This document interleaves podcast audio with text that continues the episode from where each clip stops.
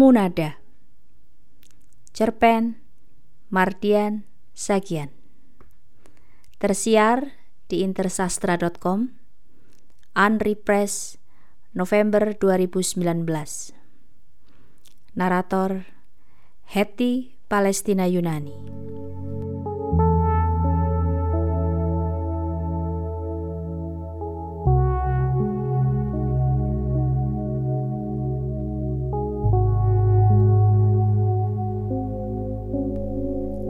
Tak ada yang membuat sang imam cemas dan kusar selain kenyataan bahwa selama lebih dari satu dekade ini tak ada seorang bayi laki-laki pun lahir di pulau. Sepanjang 10 tahun, tangis bayi perempuan mengisi pondok demi pondok sampai ke telinga sang imam, meninggalkan gema tak berkesudahan di dalam kepalanya membuatnya dilanda insomnia dan tidurnya pun selalu dihinggapi mimpi buruk. Tsunami, pulau tenggelam, peradaban tamat, kiamat. Sementara penduduk pulau, khususnya para suami, tidak bisa berbuat banyak selain menunduk menunjukkan rasa bersalah. Tak berguna dan diam-diam berjanji pada diri sendiri bahwa bayi lelaki akan keluar dari kemaluan istri mereka pada persalinan berikutnya. Tapi lagi-lagi, tangis bayi perempuan yang terdengar membuat para suami menutup wajah, bersujud, mohon ampun di hadapan sang imam. Sang imam hanya butuh bayi laki-laki untuk memastikan Maha Tunggal tidak sedang mengutuk pulau.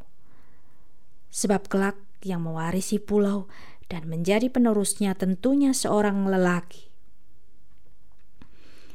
Dan untuk tidak menambah jumlah perempuan yang bersaing dengan jumlah tikus di musim hujan, sang imam memutuskan untuk membunuh bayi-bayi yang lahir perempuan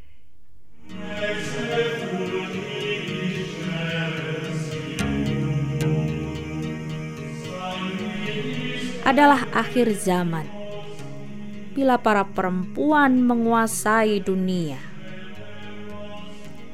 Katanya kepada penduduk yang berkumpul di balai musyawarah. Membunuh bayi perempuan mencerminkan rasa marah sekaligus putus asa sang imam. Untuk menghindari pertanyaan dan perdebatan, keputusan untuk membunuh bayi perempuan tersebut ia sampaikan sebagai wahyu dari Sang Maha Tunggal. Kurban untuk menguji umat manusia. Padahal ia ingin menghukum jemaatnya yang menurutnya adalah pembangkang dan bodoh. Tidak menuruti aturan cara membuat anak laki-laki baik secara teknis maupun spiritual yang sudah dibakukan dan disosialisasikan. Lagi-lagi ia menyuluhi penduduk di balai musyawarah tentang cara membuat anak laki-laki.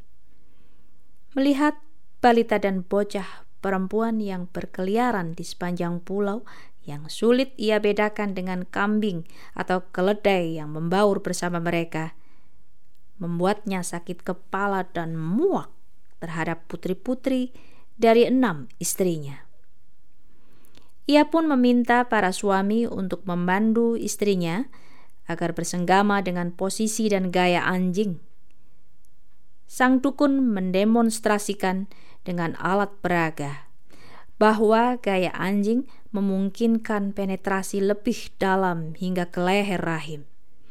Ia menjelaskan panjang lebar perihal bagian dalam kemaluan perempuan, bagaimana proses itu terjadi, dan bagaimana itu cekatan menemukan telur seperti lidah kodok menangkap serangga. Penjelasan sang dukun membuat para suami dan istri malu-malu. Wajah mereka memerah dan mereka enggan memandang satu sama lain, sibuk mengurai perasaan masing-masing. Istilah-istilah sang dukun membuat mereka bingung. Untuk para istri, sang dukun menganjurkan agar memperbanyak makan pisang, jamur, dan daging yang diasinkan. Sebagai perantara Mahatunggal, sang imam menyampaikan wahyu yang diterimanya berkaitan kapan waktu yang baik dan tepat untuk bersenggama dan pantangan apa yang harus dihindari setiap pasangan selama mencoba untuk hamil. Belakangan ini, balai musyawarah selalu disibukkan dengan topik-topik persanggamaan.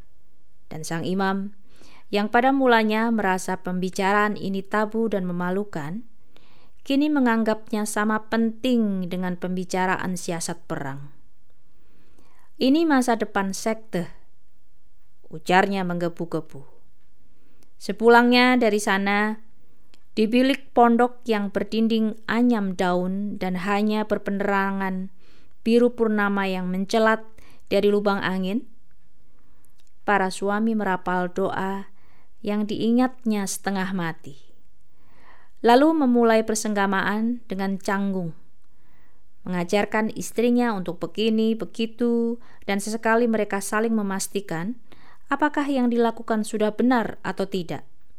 Seolah-olah sang imam memantau dari keremangan bilik.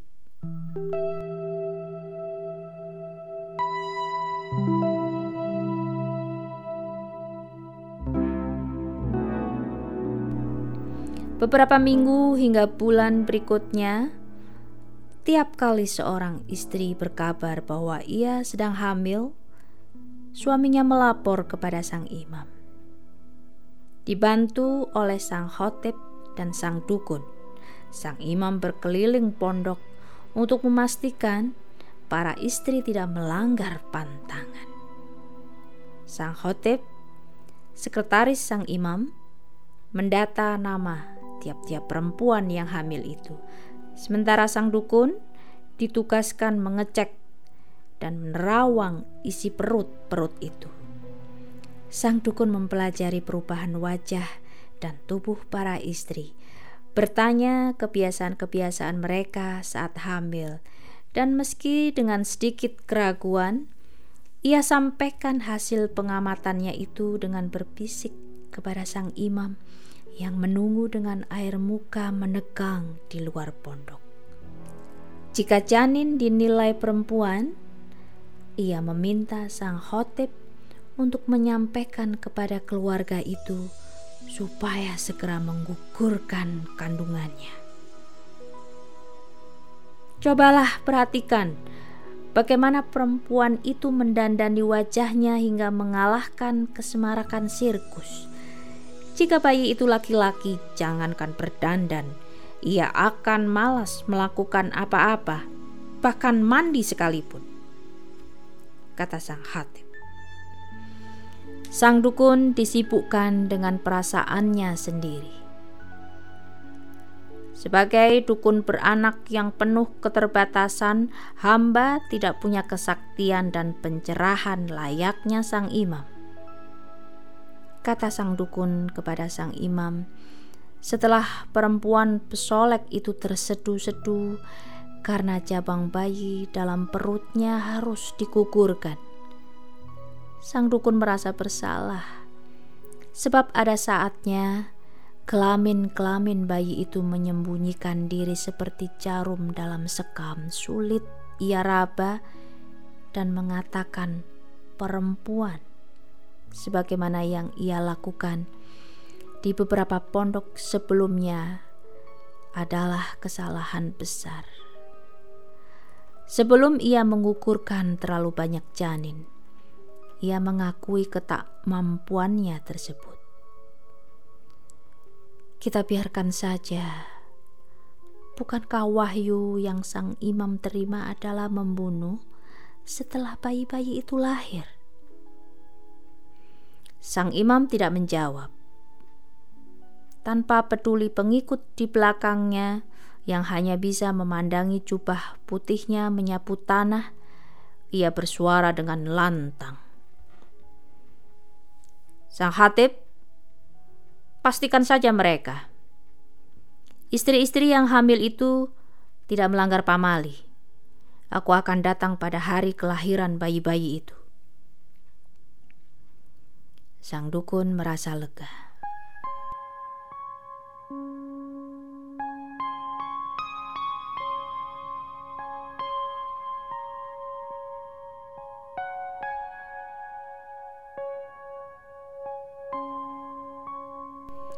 Ketika hari kelahiran tiba di salah satu pondok, sang imam dan dua pendamping setianya menuju ke pondok itu. Ia bersama sang hatib menunggu di depan pondok, membunuh cemas dan waktu dengan berbincang dengan si suami.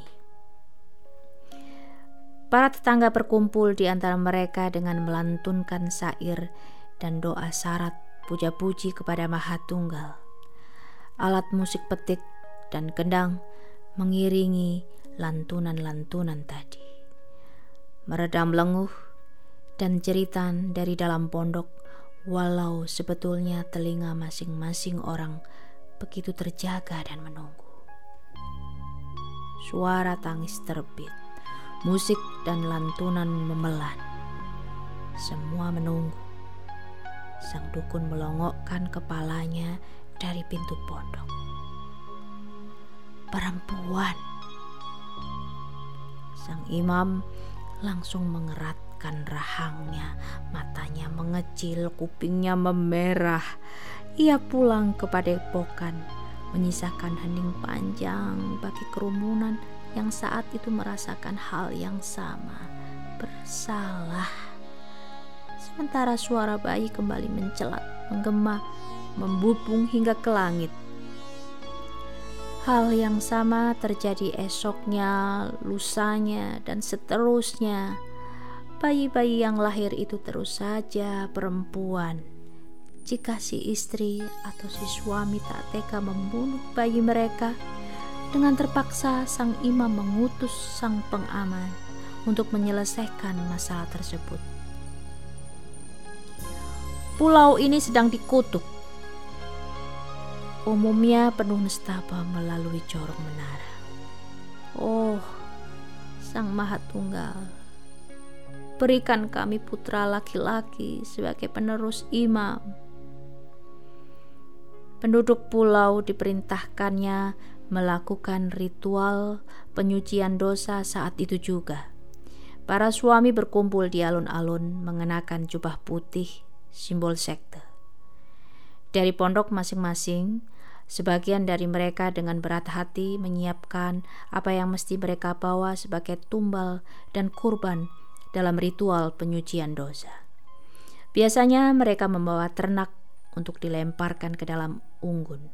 Tapi kali ini, atas perintah sang imam yang mengaku mendapat firman dari Maha Tunggal, tumbal yang harus mereka berikan adalah satu anak perempuan dari satu keluarga mulai kanak-kanak hingga gadis-gadis muda. Beberapa keluarga sempat menolak dan memberontak. Mereka tak sanggup membayangkan putri-putri mereka dilahap pada api. Sang imam lantas mengutus gerombolan sang pengaman untuk memastikan kelancaran ritual tersebut dan mereka pun menyeret putri-putri keluarga-keluarga itu ke alun-alun.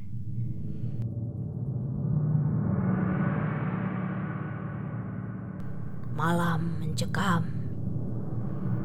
Setelah tangis bayi-bayi memenuhi hari terang, tangis anak-anak perempuan dan gadis-gadis remaja mengisi gelap malam. Saat menjelang fajar, seisi pulau jatuh hening.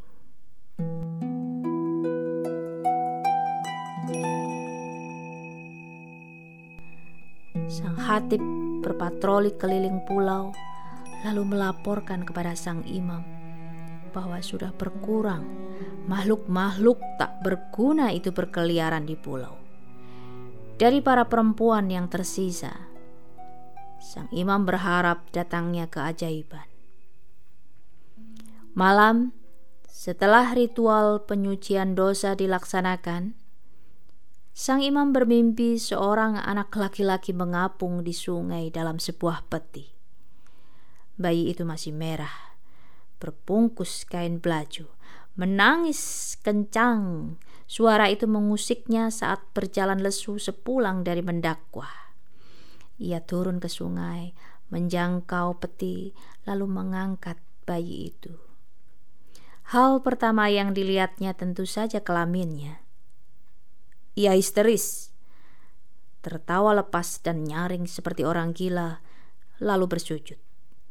Di samping sujudnya, sang bayi tertawa. Ketika ia beranjak menuju menara untuk mengumumkan kepada penduduk soal keajaiban dan kabar gembira ini, sang bayi berkata lirih kepadanya, Munada, Munada. Ia menyimpan semua benih anak laki-laki dalam rahimnya. Sang imam terbangun dengan keringat membanjiri kening dan punggungnya hingga kasurnya basah. Ia mengamati tangannya, tak percaya bahwa tak lama sebelumnya ia menggendong bayi laki-laki. Gelombang semangat membangkitkan tubuhnya yang sebelumnya ngilu karena rematik.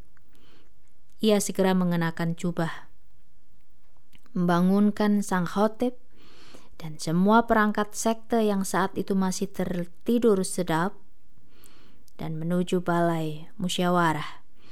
Ia memerintahkan penjaga padepokan untuk membangunkan sang dukun yang pondoknya tak jauh dari situ. Ayam masih belum berkokok.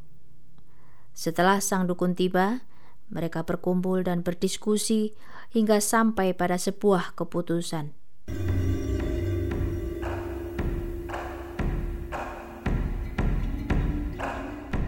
Sekarang juga, lepaskan belenggu dan keluarkan Munada dari gua. Kawinkan ia dengan laki mana pun yang ia inginkan. Munada sudah 10 tahun lebih tidak melihat cahaya matahari. Selama itu, dengan kaki dirantai dan hanya berteman dengan kelelawar, ular, pula seorang penjaga yang tak pernah sekalipun bicara kepadanya selain melempar apa saja yang bisa mengisi perut perempuan itu agar tidak mati. Ia dikurung dalam gua di tengah hutan. Ia didakwa merancang pembunuhan satu-satunya putra sang imam.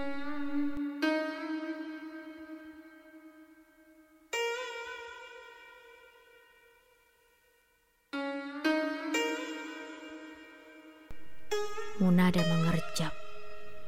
Cahaya pagi pertama itu serasa menyobek matanya. Sang imam dan rombongan mengamati perempuan itu dari jarak beberapa langkah mempelajari sosoknya seperti meneliti siluman. Tubuhnya tinggal tulang dibalut kulit pucat yang penuh daki, kusam, dan mengeluarkan bau busuk. Rambutnya kusut masai berbelit panjang sampai ke lutut. Satu-satunya yang masih sama dengan Munada yang dulu adalah sirat matanya sirat yang kini mengunci ke arah sang imam, tajam dan dalam. Mengapa harus siluman ini? Pikir sang imam, yang saat itu teringat putranya dan mendidihlah darahnya. Tapi ia redam sakit hatinya mengingat hanya siluman inilah yang bisa mengangkat kutukan pulau dan menyelamatkan kehidupan sektenya. Sang imam memerintahkan supaya Munada dibawa ke padepokan. Dan sesuai perundingan dini hari itu, sang dukun akan mengurusnya, membenahinya, dan menemukan lelaki yang sanggup bersedia mengawininya.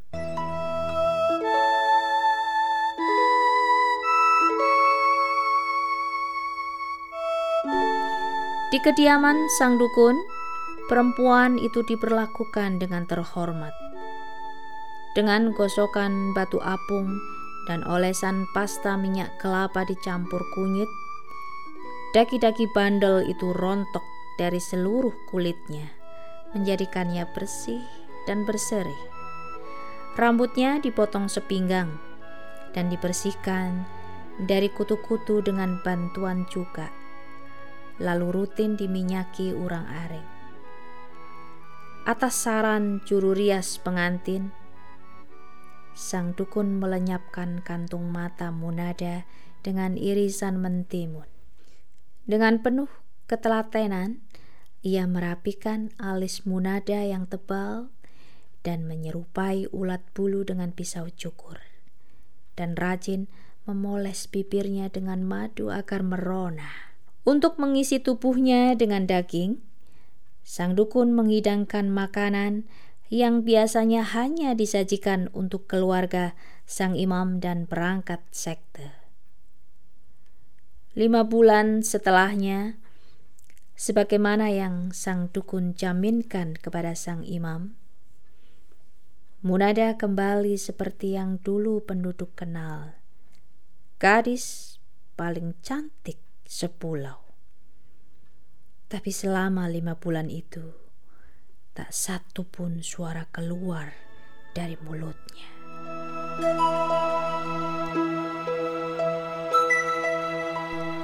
Kita mengembalikan tubuhnya, tapi tidak jiwanya.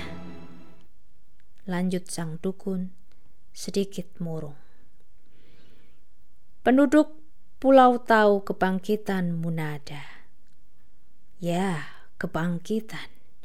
Orang-orang menyebutnya demikian sebab sejak seluruh keluarganya dibunuh karena dituduh merencanakan pembunuhan terhadap putra sang imam, orang-orang menganggap ia ikut mati bersama mereka. Satu keluarga nelayan itu sudah tiada, hanya menyisakan pondoknya yang menggigil di tepi pantai. Orang-orang pulau menceritakan peristiwa itu dari mulut ke mulut. Kisah itu pun menjadi beragam versi, tetapi semua versi punya alur dasar yang sama. Risat, satu-satunya putra sang imam itu menyukai Munada dan perasaannya bersambut.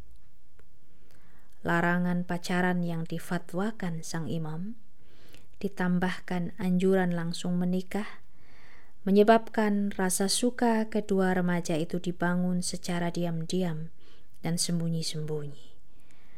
Mereka sepasang kekasih yang sedang belajar mencintai. Asmara mereka adalah api yang membakar tubuh dan jiwa mereka.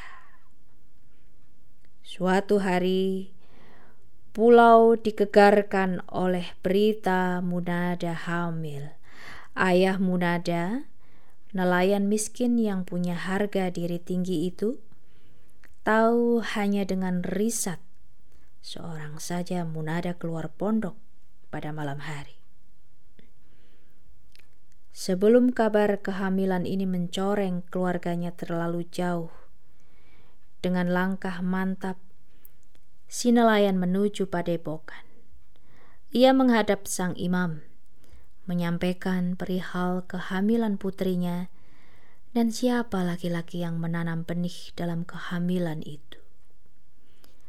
Reaksi sang imam tak seperti nelayan itu harapkan. Dingin, tak acuh. Selanjutnya, si nelayan hanya bisa menunggu tindak lanjut perkenaan nasib putrinya. Sang imam, kepala sekte yang ia hormati, tak kunjung mendatangi pondoknya. Ia sangsi, apakah Risat tidak mengatakan kebenaran kepada ayahnya yang suci itu. Nelayan itu menunggu. Namun, tak ada apa-apa Selain umpatan dan risak kejam penduduk yang singgah di pondoknya, membuat ia, istri, dan putrinya dirundung sedih dan luka. Keluarga itu mulai dikucilkan seperti pesakitan.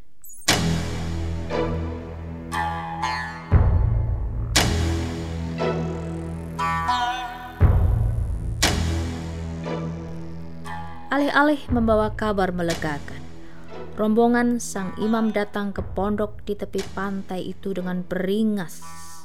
Sang imam tidak mau mendengar kata-kata si nelayan dan istrinya, malah memerintahkan sang pengaman untuk menyeret Munada menuju alun-alun.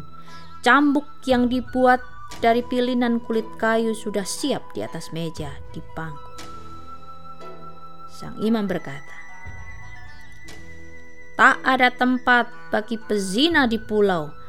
Tak ada yang bisa mencemari tempat yang telah kita bangun dan sucikan dengan doa-doa kita kepada Maha Tunggal. Doa-doa yang seirama dengan keluarnya napas-napas kita. Juga perbuatan kita yang selalu berhati-hati dan sesuai firman-Nya. Tak ada ampun bagi pendosa. Munada berdiri sendiri di atas panggung. Di hadapannya, penduduk menyorakinya, mengutukinya. Sang imam meraih cambuk dan naik ke atas panggung. Cambukan pertama. Terimalah. Cambukan kedua. Terimalah. Suaranya semakin meninggi. Terimalah, terimalah, terimalah. Hanya pekikan itu yang mengisi kepala Munada. Tumpang tindih membuat kepalanya hendak pecah. Ia tidak menjerit, walau ia merasakan pedih yang teramat. Pedas, ngilu karena pecutan cambuk. Matanya terpejam hingga berair. Terimalah, terimalah, terimalah. Suara itu memelan, mengabur. Munada limbung. Orang tua Munada berlari terseok-seok menuju panggung di depan sang imam sambil mengatur nafas dan menombakkan tatapan yang sengit. Ayah Munada mengatakan dengan lantang bahwa dengan putra sang imamlah Munada berzina risatlah pendosa yang lain itu. Sementara itu, ibu Munada menghambur ke anaknya yang teronggok tak berdaya, meraba bagian kulitnya yang sobek, mendekapnya erat, sementara mulutnya tak henti melolong. Lolongan itu semakin menjadi ketika ia melihat darah mengalir dari sela kaki gadis kesayangan cukup berzina. Keluarga ini juga ahli memfitnah. Berapa cambukan untuk tukang fitnah? Sang imam memeki. Penduduk kompak menjawab. Dua puluh. Para penduduk pulau seperti mendapat hiburan. Hukum cambuk selalu digelar di muka umum. Sebuah kesempatan lain bagi sang imam untuk mempraktikkan ide-ide yang katanya bersumber dari firman. Sebuah kesempatan pula untuk menguatkan loyalitas pengikutnya dan kedudukannya sebagai pemimpin. Panggung cambuk atau jagal adalah tempatnya menyusupkan doktrin dan ketakutan di kepala pengikut-pengikutnya. Tetapi cerita belum selesai untuk keluarga nelayan itu. Cambuk tak hanya menyakiti tubuh, tapi juga hati mereka. Mereka berencana pindah dari pulau kembali ke seberang yang begitu jauh, dunia sesat. Begitu kata sang imam ketika pertama kali sampai di pulau tak berpenghuni itu bersama rombongan pengikutnya. Namun, nelayan itu punya rencana lain sebelum meninggalkan pulau ia akan membunuh sang imam.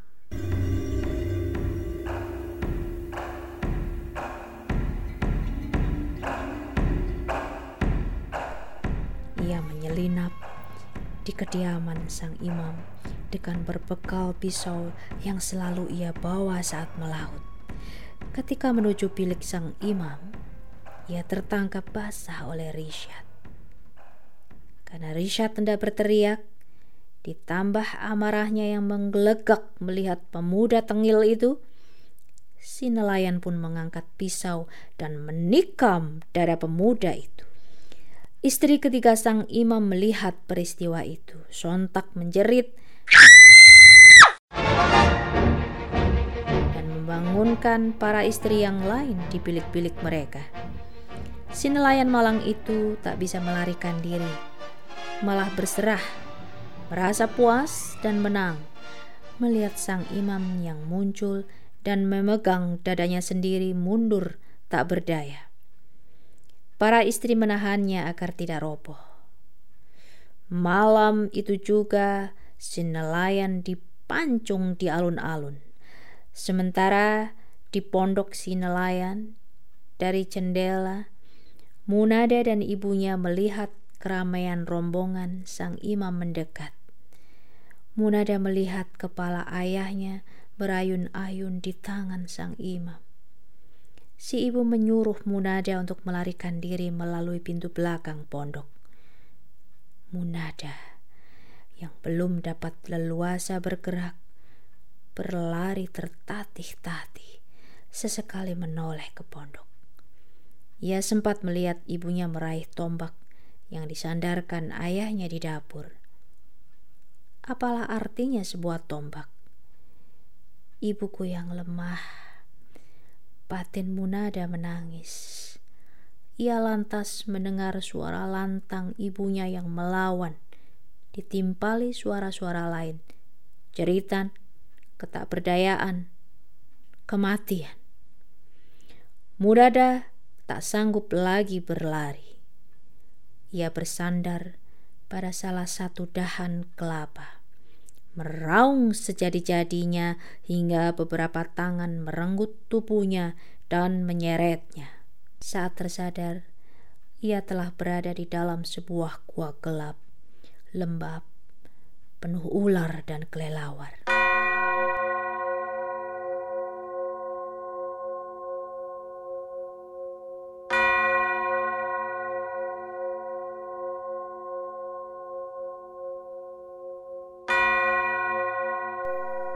Semua laki-laki pulau dikumpulkan di alun-alun.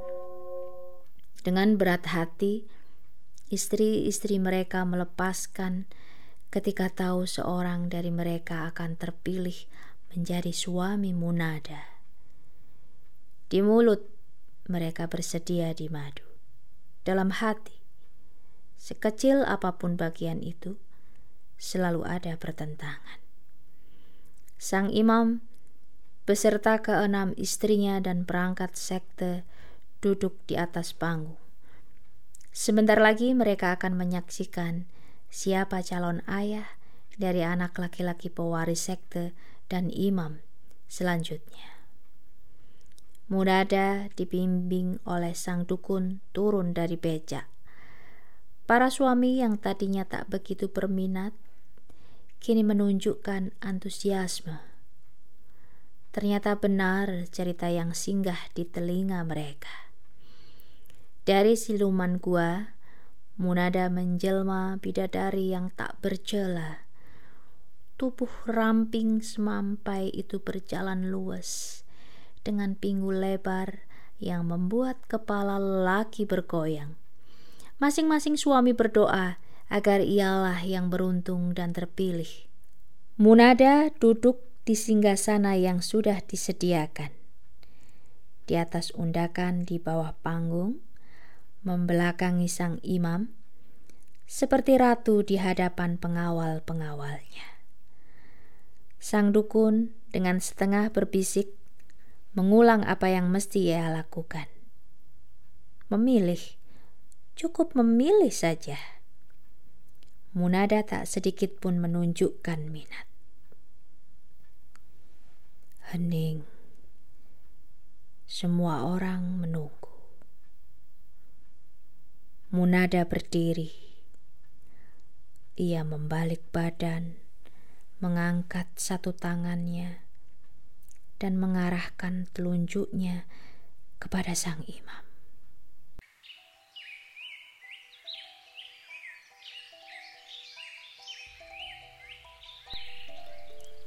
Dari jendela biliknya, Munada mengasihani wajah-wajah penduduk pulau yang bergembira menyambut kabar kehamilannya yang menyebar seperti api melahap rumput kering. Ia menyindir dalam hati melihat sang imam yang berlagak seolah kembali muda dan susah berkonsentrasi saat memberi dakwah terbuai oleh khayalan terang akan masa depan sekte dan pulau. Hati Munada meringis dan meradang melihat wajah-wajah kusar para perempuan pulau yang kehilangan putri-putri mereka. Air matanya jatuh mengingat janinnya sendiri yang gugur akibat penyiksaan yang dialaminya. Mengingat ayahnya dipancung di alun-alun dan ibunya ditombak di rumahnya sendiri. Ada alasan mengapa aku masih diberi hidup setelah bertahun-tahun disekap di dalam gua. Pikirnya sengit dan geram. Ia menatap langit biru dari jendela biliknya. Yakin harapan masih ada dan bertekad dalam diam. Aku akan mematahkan kutukan pulau dengan caraku sendiri. Ia menahankan kehamilan yang menyiksanya secara fisik dan batin. Mencium aroma makanan membuatnya mual muntah, dan tak jarang ia merasa pengar. Punggungnya begitu nyeri. Di kepalanya berputar pita film yang tak kunjung selesai. Senyum dan tawa orang tuanya, masa kecilnya di tepi laut biru, begitu riang dan diberkahi cinta. Richard yang tampan tapi pecundang, dicambuk di atas panggung.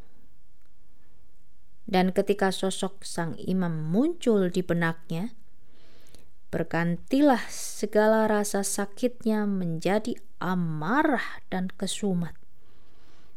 Ia mendekap mulutnya, sementara tangisnya menjadi-jadi sambil berusaha menguatkan dirinya. Saat sang imam mengungkapkan kecemasannya tentang kebisuan Munada yang dapat memengaruhi pertumbuhan janin, Munada merasa sedikit menang dan bunga. Sang dukun yang rutin memeriksa kandungannya selalu membujuknya berbicara, tapi Munada kukuh menolak dan membuang wajah. Akhirnya, sang dukun hanya bisa menganjurkannya begini dan melarangnya begitu. Jauhi nanas muda, itu bisa membunuh calon putramu. Juga merica. Ketika kandungannya memasuki bulan keenam, Munada diboyong ke kediaman baru yang lebih mewah. Munada tahu tindakan itu adalah upaya sang imam untuk mengatasi masalah kebisuan dan kemurungannya. Ia justru senang karena kediaman yang baru itu memiliki jendela yang menghadap ke laut biru yang kerap dihiasi burung-burung camar. Dari situ Munada dapat melihat pondok tempat tinggal keluarganya dulu. Tiap hari Munada berdiri di depan jendela itu mengenang ayahnya yang menebar jala, atau ibunya yang menyelam memetik rumput laut sambil mempelajari jadwal, penempatan, serta kebiasaan para pengaman yang menjaga kediamannya. Suatu sore setelah hujan, datanglah kesempatan yang dicari-carinya. Ia menenggak berbotol-botol larutan merica bercampur jahe dan cuka yang telah dipersiapkannya. Ia menyelinap lewat jalan belakang yang syarat pohon-pohon nipah, tertatih-tatih dan tersengal-sengal menuju ke laut. Angin berembus liar, bau tanah menguar segar. Matahari sudah di ujung laut ketika Munada menemukan pondok itu yang kini reot dirayapi benalu. Bulir-bulir keringat melapisi keningnya. Berkali-kali ia seka dengan lengannya.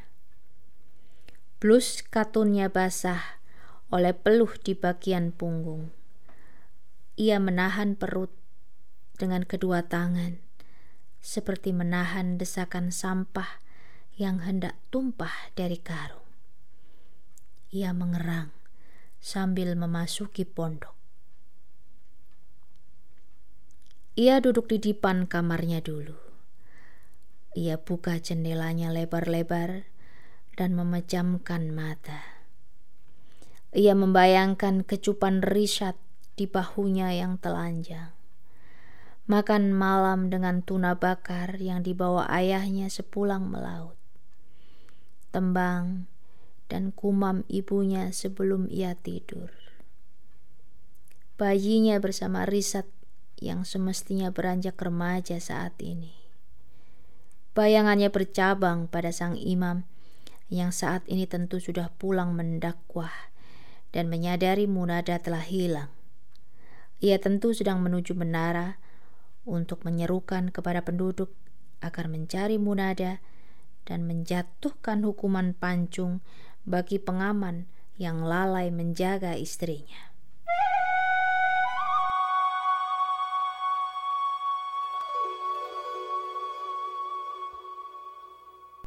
Petang turun. Lentera-lentera menyala di seisi pulau.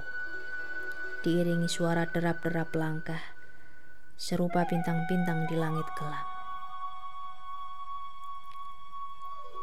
Munada dan bayinya adalah harapan terakhir sekte dan pulau.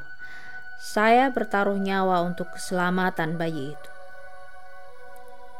Munada ingat ucapan sang imam suatu hari di balai musyawarah. Munada menunggu. Ia merasa perutnya memanas. Cabang bayi yang tak pernah diinginkannya mengamuk, memeras organ-organ perutnya, meremukkan tulang-tulangnya. Munada menjerit, mengerang, menggelebar.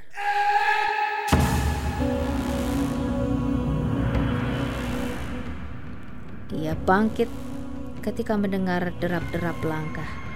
Tergesa, terdesak, mendekati pondok. Rombongan itu tiba dan berhenti di muka pondok. Sang imam memerintahkan Munada membuka pintu. Pintu berderit, terbuka. Di hadapan sang imam, Munada mengulurkan kedua tangannya, menyerahkan seonggok daging bersimbah Terimalah adalah kata pertama yang keluar dari bibirnya setelah lebih dari sepuluh tahun.